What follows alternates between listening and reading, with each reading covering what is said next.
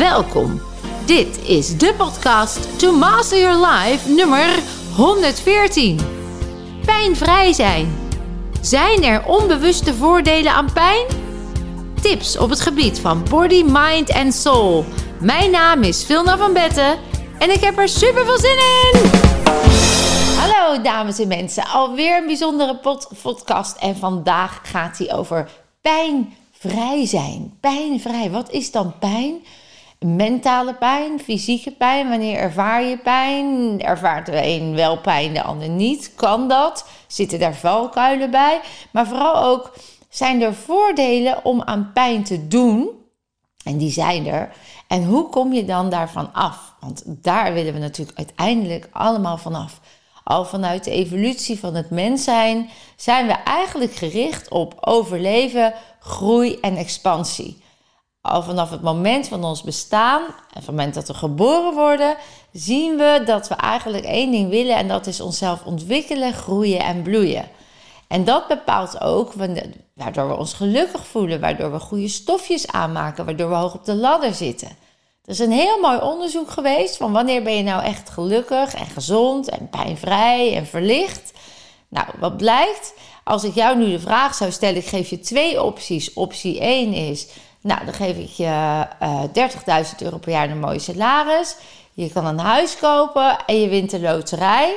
En de andere optie is, je mag je verbinden uh, met je vrienden. Dus je mag leuk uitgaan met je vrienden. Je mag je passie volgen. En je mag genieten van wat je doet. Welke optie zou jij dan kiezen? Waardoor je voelt dat je je gelukkiger voelt. En le lekkerder in je vel zit en gezonder bent. Nou, als je voor optie 2 kiest, dan kies je eigenlijk dus voor meer geluk. En dat heeft ermee te maken dat in de evolutie van ons brein, in de evolutie van ons mens zijn, we eigenlijk ons brein uh, aangeleerd hebben te wennen aan dingen die nieuw zijn. Dat noemen we ook wel de wet van niveau. Dus als je dingen wil kopen, nieuwe spullen wil hebben, dan lijkt dat in de eerste instantie hartstikke fijn. En dat geeft dan tijdelijk genot. Dat maakt dopamines aan. Maar ja, na de tiende uh, Mars of Snicker, dan heb je het wel gehad. En dan kan je hem eigenlijk niet meer zien. En dan wil je weer iets anders ervoor in de plaats. Dus eigenlijk creëer je een soort verslaving. Meer dan dat het echt een behoefte is. Dus zodra onze basisbehoeften zijn gevuld, zoals eten, onderdak, slapen, ja, dan meer van hetzelfde gaat niet uiteindelijk ons ultiem gelukkig en gezond maken. En hetzelfde geldt voor als we eenzaam zijn en geen connectie hebben met vrienden. En dan heb ik het niet over uh, social media vrienden, maar echt in verbinding zijn met mensen. Ja, dat maakt ook dat wij energetisch en neurochemisch hoog in de ladder komen en fijne stofjes aanmaken, zoals oxytocines, die ons een veilig gevoel geven en verbinding uh, ervaren, laten ervaren.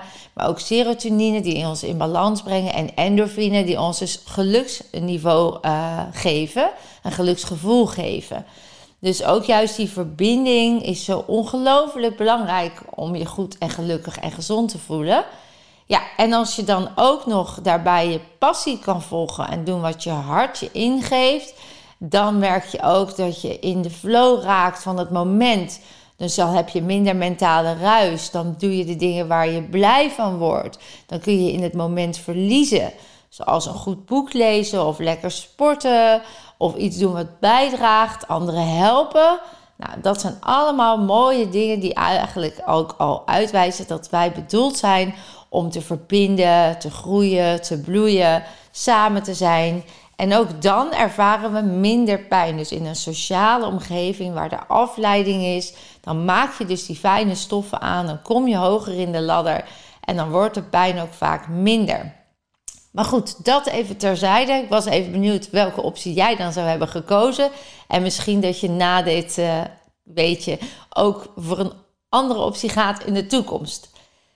Pijn is dus eigenlijk ook een slim signaal van ons lichaam. In eerste instantie om, bedoeld om ons even tot rust te brengen. Het kan namelijk zijn dat je een blessure hebt of een ongeluk hebt meegemaakt of verwond bent geraakt, waardoor je lichaam in eerste instantie de tijd nodig heeft om te herstellen.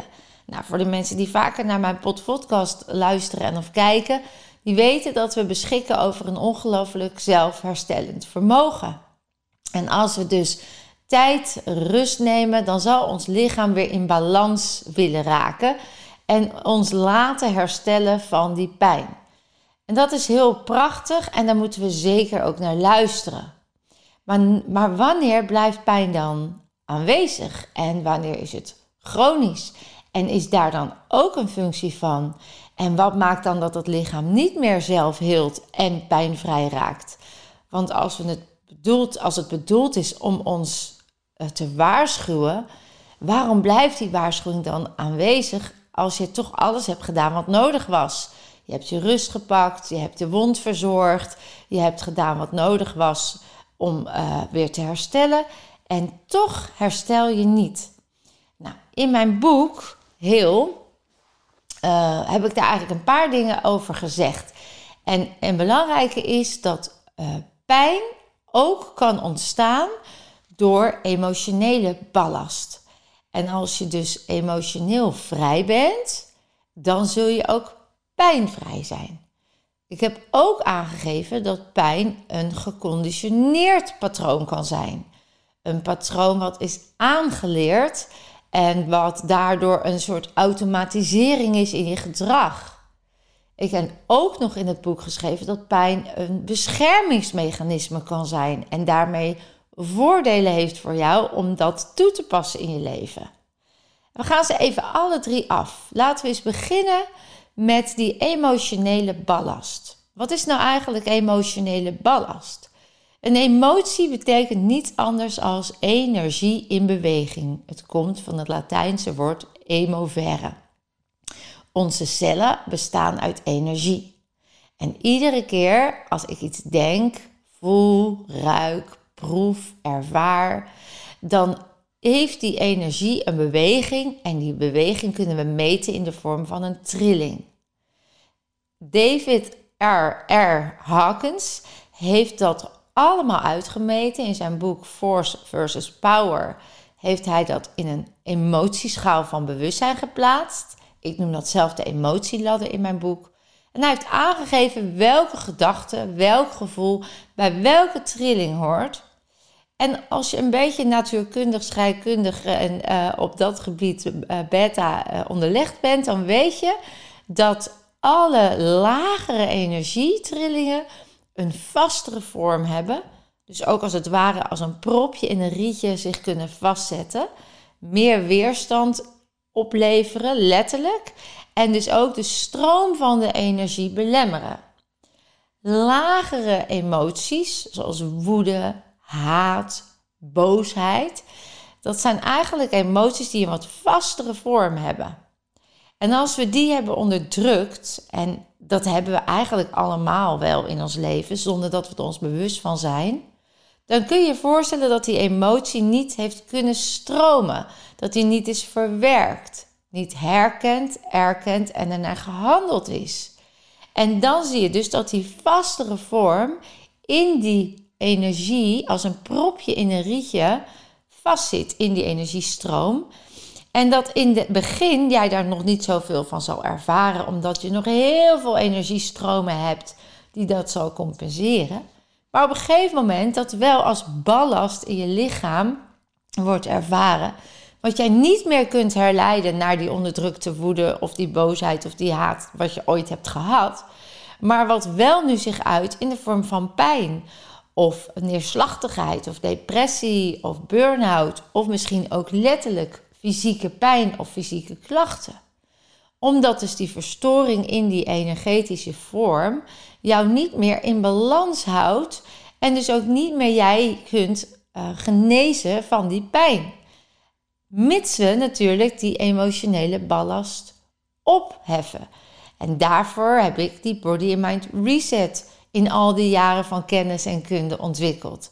Omdat ik wist, hé, hey, als die vaste vorm daar zit, dan is dat ook een bewustzijn wat in jouw systeem aanwezigheid, dat aanwezig is, dat wanneer dat getriggerd wordt, jij weer vanuit die uh, trigger, vanuit dat bewustzijn zal reageren zonder dat je weet dat dat eronder ligt. En daar kun je last van hebben. Dat kan in belemmerende patronen zich uh, ontvouwen. Dat kan dus in pijn ontvouwen. En dan is het belangrijk dat je dat oplost, dat dat celgeheugen wat dat heeft opgeslagen als een waarheid weer bevrijd wordt, zodat jij in een nieuw bewustzijn van pijnvrij kan zijn. Ik heb in mijn boek daar een mooi verhaal over geschreven en die wil ik eigenlijk even voordragen vandaag. De man die op Boeddha spuugde. Boeddha zat onder een boom en onderwees zijn leerlingen. Ineens kwam er een vreemde man op hem af die Boeddha in zijn gezicht spuugde. Boeddha, die rustig de spuug van zijn gezicht veegde, vroeg aan de man of hij nog iets anders wilde communiceren. De man keek vol verbazing. Deze reactie die had hij natuurlijk niet verwacht. De leerlingen van Boeddha waren echter zeer kwaad. Ze lieten de man weten dat dit ontoelaatbaar was en hoe hij het in zijn hoofd haalde om hun meester te bespugen en zo te vernederen. Boeddha zei daarop: Stil maar, deze man heeft mij niet vernederd. Ik nodig je nu uit om eens goed naar je eigen gedrag te kijken. Wat zegt deze reactie over jou? Deze man kent mij niet. Hij heeft slechts een beeld over mij gevormd op basis van verhalen en ideeën over mij. Hij heeft niet op mij gespuugd, maar op het concept dat hij van mij heeft. Hij spuugt dus niet op mij, maar op zijn eigen gedachten over mij. Ik ben daar helemaal geen onderdeel van. Ik vraag dus of die man nog iets anders te vertellen heeft. De spugende aanvaller begreep er helemaal niets meer van en rende verward naar huis. Het hele gebeuren bleef door zijn hoofd spoken. Deze ervaring was compleet nieuw voor hem. De volgende ochtend kwam hij terug en wierp zich aan Boeddha's voeten. De Boeddha vroeg hem: Wat wil je nog meer vertellen? En de man zei: Boeddha, kunt u mij vergeven voor wat ik gisteren gedaan heb? En daarom zei Boeddha: Ik hoef jou niet te vergeven. Zoals de rivier stroomt en nooit hetzelfde is, zo bestaat de man op wie je gespuugd hebt ook niet meer. Ik lijk alleen maar op die man van gisteren. Ik hoef je niets te vergeven, want ik heb er niets mee te maken. Je kunt hooguit jezelf vergeven. En, voegde hij eraan toe, ik zie dat jij ook niet meer dezelfde man bent als die van gisteren. Beide personen bestaan niet meer. Dus zullen we maar over iets anders praten? Nou, dit mooie verhaal, dat ik ooit ergens heb gelezen, dat maakt dus als metafoor duidelijk dat wanneer we lading vrij zijn, we dus ook geen trigger hebben en geen pijn ervaren. Dan begeef jij je dus hoog op die emotieladder en dan reageer je automatisch vanuit die hogere trilling. En het effect ermee is dat je ook de ander daarmee een beetje laat stijgen. Nou, dat is natuurlijk super mooi om dat te kunnen. En als je het misschien hoort, dan lijkt het zelfs ondoenlijk.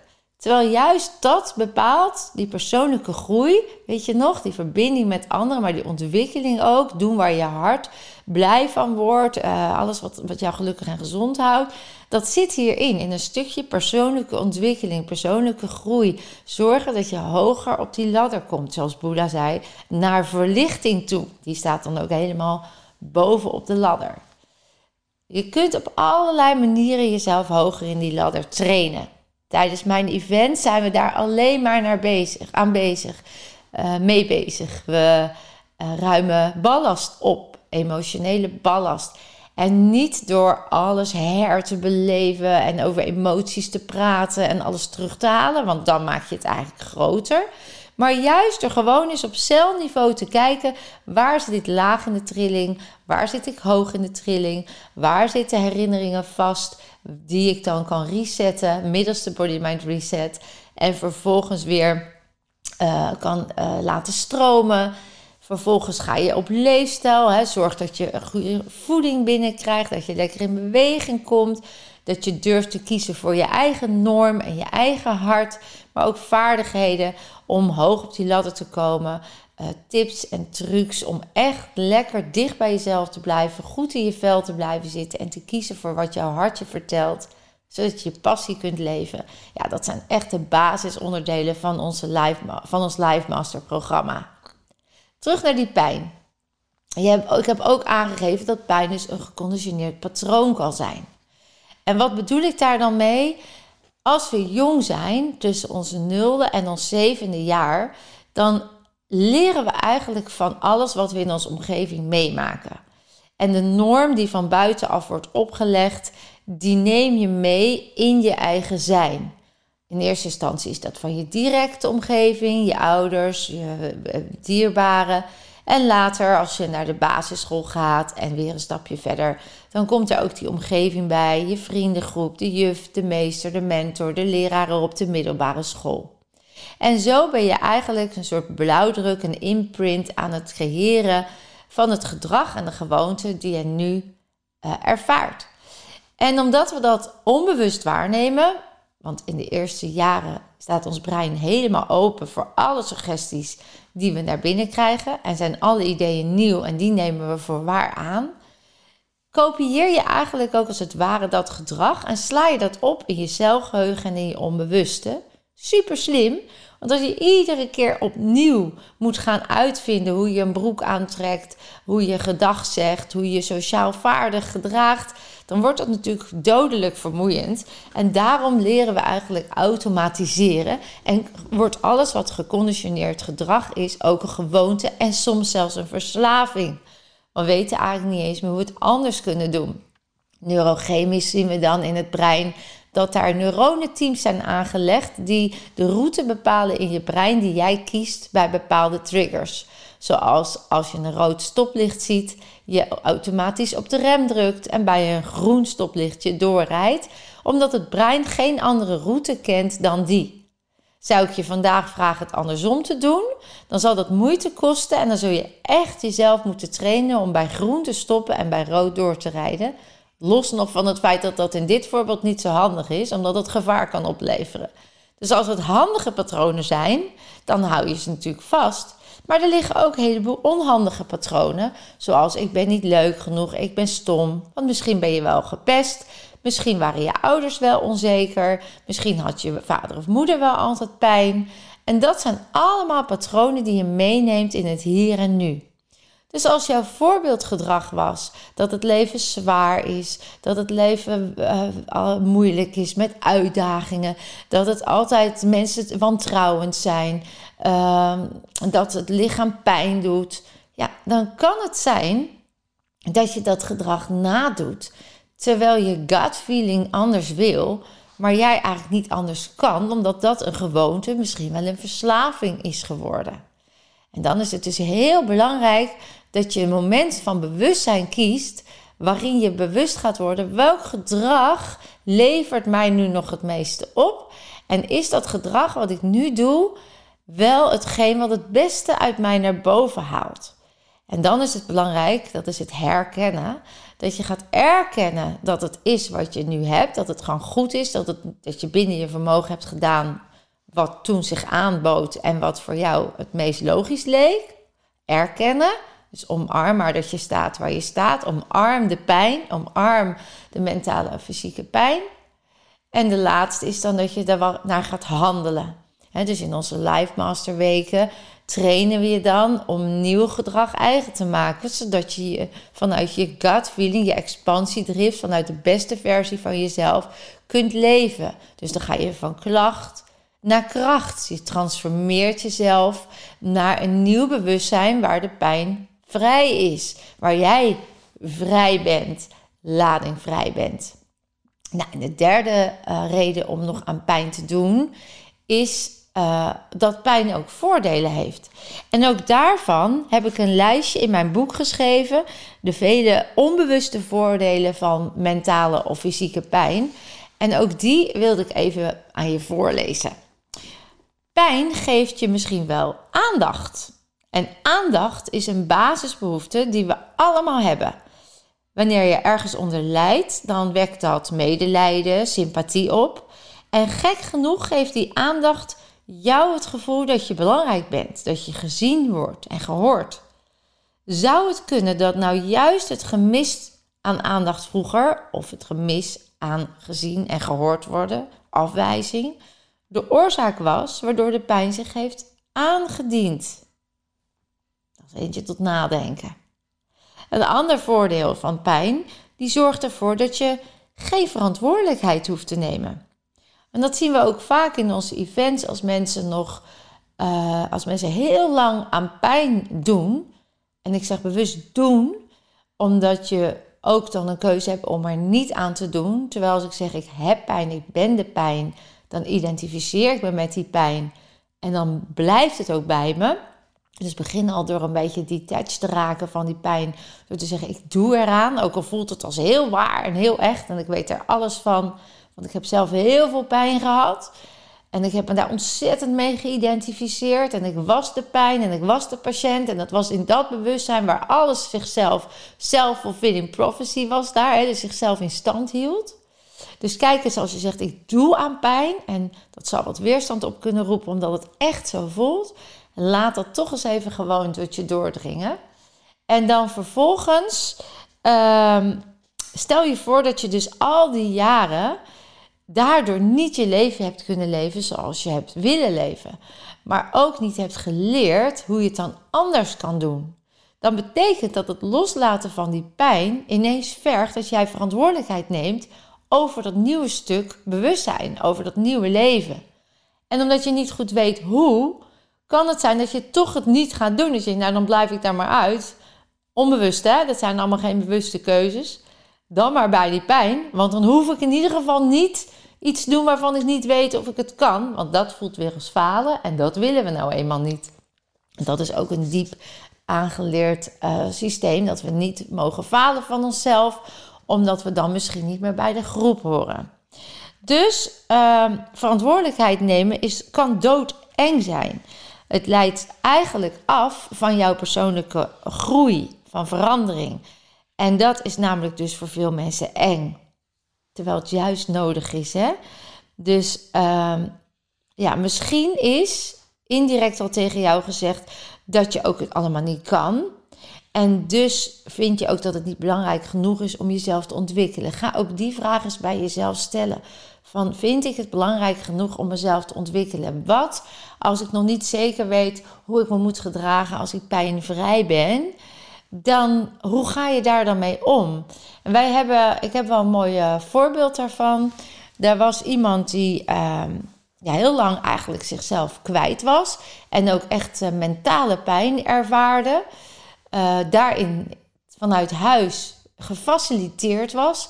En niet uh, omdat die mensen dat expres deden, maar juist vanuit liefde dachten: uh, wij gaan nu dus zorgen voor jou, we gaan je over jou uh, bekommeren, we gaan zorgen dat jij je niet rot voelt. Dus eigenlijk werd het probleem niet alleen van degene zelf, maar ook van de omgeving, verslaafd aan de verslaafde.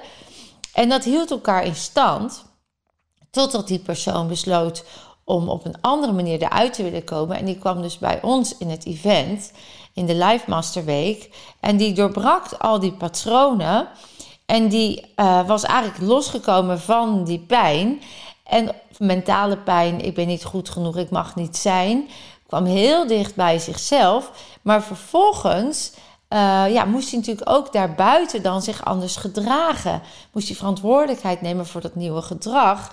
En vond die persoon dat ook mega spannend hoe dat dan te doen. Dus die laatste dagen van het event hebben we ook echt gewerkt aan hoe kun je dan in je communicatie, in je gedrag dat uiten en dicht bij jezelf blijven, in je kracht blijven. Dus het is heel belangrijk dat je realiseert dat het misschien nog wel doodeng kan voelen. Tegelijkertijd dat het je ongelooflijk veel gaat opleveren en dat je jezelf waardevol mag vinden om dat te gaan trainen. Nou, een derde reden is de pijn geeft je een reden om mensen weg te duwen of om jezelf te verwijderen. Dus pijn is een goed excuus om mensen in je omgeving te elimineren. Degene waar je geen aandacht van krijgt, bevestigen jou dat ze je niet waard zijn. Nu heb je een reden om ze dat duidelijk te maken of ze gewoonweg te deleten uit je leven. Dus stel dat je in een omgeving zit waar jij niet de behoefte krijgt vervuld die je nodig hebt. In plaats van zelf de verantwoordelijkheid te nemen weg te gaan of duidelijk te maken wat je wel nodig hebt, en dat weten we vaak niet zo goed, gaan we dus eigenlijk pijn creëren, waardoor we ja, een reden hebben om niet die ander uh, dat duidelijk te hoeven maken. En dan kunnen we die ook gewoon langzaam uh, elimineren of negeren of geen aandacht geven. En dan hebben we een goed excuus om daar weg te gaan. Terwijl dat natuurlijk een hartstikke destructieve route is. Dus ik zou je veel liever willen meegeven. Durf jezelf te uiten. Kies voor jezelf. Geef aan wat je nodig hebt. En werk aan je eigen behoeften. Zodat je niet afhankelijk wordt van je omgeving. Maar echt je eigen leven leidt en je eigen keuzes maakt. Nou, de pijn geeft je aan de andere kant ook juist een reden om mensen bij je te houden. Dus mensen zullen je dan niet snel verlaten wanneer je pijn hebt. Misschien heb je je wel ooit heel erg alleen of eenzaam gevoeld. Of door je op jonge leeftijd heb je iemand verloren die heel dierbaar was. Ja, dan wil je niet dat mensen weggaan. En zou misschien een oplossing kunnen zijn als je ergens last van hebt. Dan geeft dat aandacht en dan zullen mensen minder makkelijk bij je weggaan. We zien ook wel dat dat gebruikt wordt soms als excuus. Hè? Dat mensen zo bang zijn dat de ander bij ze verdwijnt, dat ze met zelfmoord dreigen.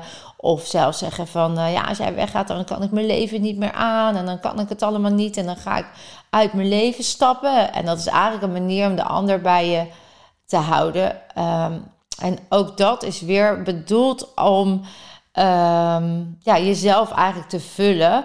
Maar dat is ook weer een destructieve manier. En het vult je niet. Het maakt het uiteindelijk alleen maar op de lange termijn leger. Nou, de pijn legitimeert je verslavingen of ander destructief gedrag. Dus zoals medicatie, drugs, alcohol, maar ook overmatig eten, seksverslavingen, zelfpijniging, slachtofferschap. Allemaal uh, ja, legitieme excuses zijn dan, is dan natuurlijk pijn. Want dan heb je een reden om jezelf te verdoven. En omdat dat vaak verslavend is, zit je in een loop van pijn en verslavend gedrag. Je verdooft jezelf en pijn is de uh, manier om dat steeds weer opnieuw te doen. Dus ook daarin een bewustwording van: hey, uh, heb ik die alcohol, die tabak, die overmatig eten echt nodig? Of wat ligt daar nou voor dieper liggende behoeften, waardoor als ik dat oplos, ik pijnvrij kan zijn? Nou, als laatste twee, je straft anderen die willen helpen door de aangeboden hulp af te wijzen. Dat doe je vanuit een onbewuste behoefte om gezien en gehoord te worden. Dus laat ze maar moeite voor mij doen. En dat is vanuit een oude pijn dat je nooit geholpen bent vroeger toen je het juist nodig had. Dus ook dat is een manier je straft ze niet echt. Maar ik, ben, ik wil nodig gevonden worden. En dus uh, ja, creëer ik pijn. En jij moet mij dan helpen. En de laatste is: het geeft je een reden en een excuus om je pijnpatroon te hanteren. En zo dus niet naar de kern te gaan. Durf jij wel te voelen. En dan komen we natuurlijk ook op die beschermingsmechanismes. Hè. En pijn is dus dan, wat ik ook al zei net, een beschermingsmechanisme wat jou um, ja, kan beschermen om niet naar binnen te gaan, om het niet op te lossen. En ik stond nog niet zo lang geleden op een basisschool. Uh, lekker in je vel uh, pakket heb ik ooit geschreven voor een basisschool. En het team vroeg mij nog om daar uh, les over te geven. En ik vroeg aan de kinderen in de klas: uh, van uh, durf jij te voelen? Hè? Kun jij echt werkelijk in verbinding zijn met je lichaam en voelen wat er op dit moment door je heen gaat? En die kinderen waren zo rond de 10, 11, misschien net 12, groep uh, 7, 8. En het verbaasde mij ook weer niet, maar hoe ongelooflijk verwijderd ze waren van het gevoel. Ik stelde een simpele vraag en een makkelijke oefening deed ik. Ik zei: zoek allemaal even een plek op in de ruimte waar je even helemaal in je eigen uh, space zit. Dus was ongeveer zo'n armlengte afstand van alle anderen. En um, sluit je ogen. En het grappige was om te zien dat op het moment dat de ogen dicht gaan, heb je dus geen prikkels meer van buitenaf. En moet je dus eigenlijk wel naar binnen. En van de misschien 30 leerlingen zag ik al meteen een aantal zo een beetje knipogen, half open dat oog. Anderen gingen staan wiebelen. Weer anderen gingen de clown uithangen, gek doen, lachen, giechelen. Een enkeling kon echt gewoon even in die rust, in die stilte, die ogen sluiten en naar binnen gaan. En vervolgens, toen ik aangaf dat het juist even knap was om te kijken, hè, ik ging een soort wedstrijdje ervan maken van nou eens kijken wie dat goed kan en dan ook rustig kan stil zijn en dus gewoon even met de ogen dicht, met de aandacht naar binnen te gaan. Kijken wie dat kan. En vervolgens toen zo'n beetje allemaal uiteindelijk zo stonden, op nog een paar na die toch bleven gek doen en wiebelen, stelde ik gewoon de vraag, deed een soort bodyscan. Wat voel je in je hoofd en waar voel je uh, dat het spanning geeft? En waar merk je dat zijn je kaken op elkaar, zijn je lippen stijf op elkaar? Um, hoe is het in je schouders? En dan merkte ik echt dat het hele korte spanningsboog had. Kinderen heel snel weer eruit waren. Um, en in dat hoofd schoten en weer gekkigheid enzovoort. Dus dat trainen, dat mindfulness en dat meditatieve, maar ook in je lichaam en lichaamsbewustzijn, zodat je met je lichaam kan communiceren. Want is pijn, creëer jij dat uh, in je lichaam? Of is dat de manier van jouw lichaam om tegen jou te zeggen hoe slecht je voor je lichaam hebt gezorgd? En dat laatste denk ik dat dat vooral degene is waar we naartoe mogen. En dat is ook waar ik lessen over geef. Dus ja, er zitten eigenlijk heel veel mooie inzichten, denk ik, in deze podcast. Is dat je kunt pijnvrij zijn door lichaamsbewust te worden. Door te gaan leren communiceren met je lichaam. Door naar binnen te gaan en te voelen waar zit mogelijk emotionele ballast. Welke patronen hou ik in stand en belemmeren mij waardoor de pijn zich nog niet, waardoor de pijn nog niet kan loslaten?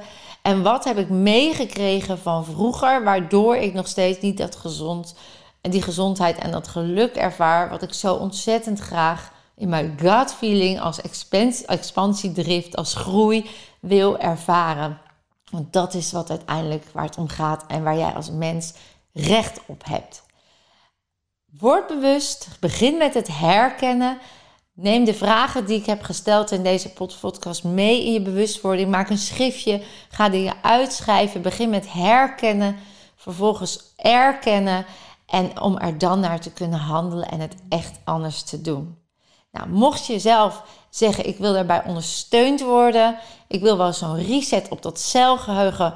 Want zelfs als ik het niet weet, als ik geen antwoord weet op die vragen, dan kunnen wij jou daarin begeleiden. En wij komen op die antwoorden, waardoor je ook echt in de kern iets kunt transformeren. Dat je echt van, van klacht naar kracht kunt komen. Dan ben je natuurlijk van harte welkom bij een van onze events om met jezelf aan de slag te gaan. Je voegt waarde toe aan je leven. Je bent het waard. Je investeert in de rest van de kwaliteit van je leven. Ik gun jou dat. Ik hoop dat ik je met deze podcast weer ongelooflijk heb geïnspireerd. Comments heel graag. Tips super fijn. En je weet het, jij kunt meer dan je denkt.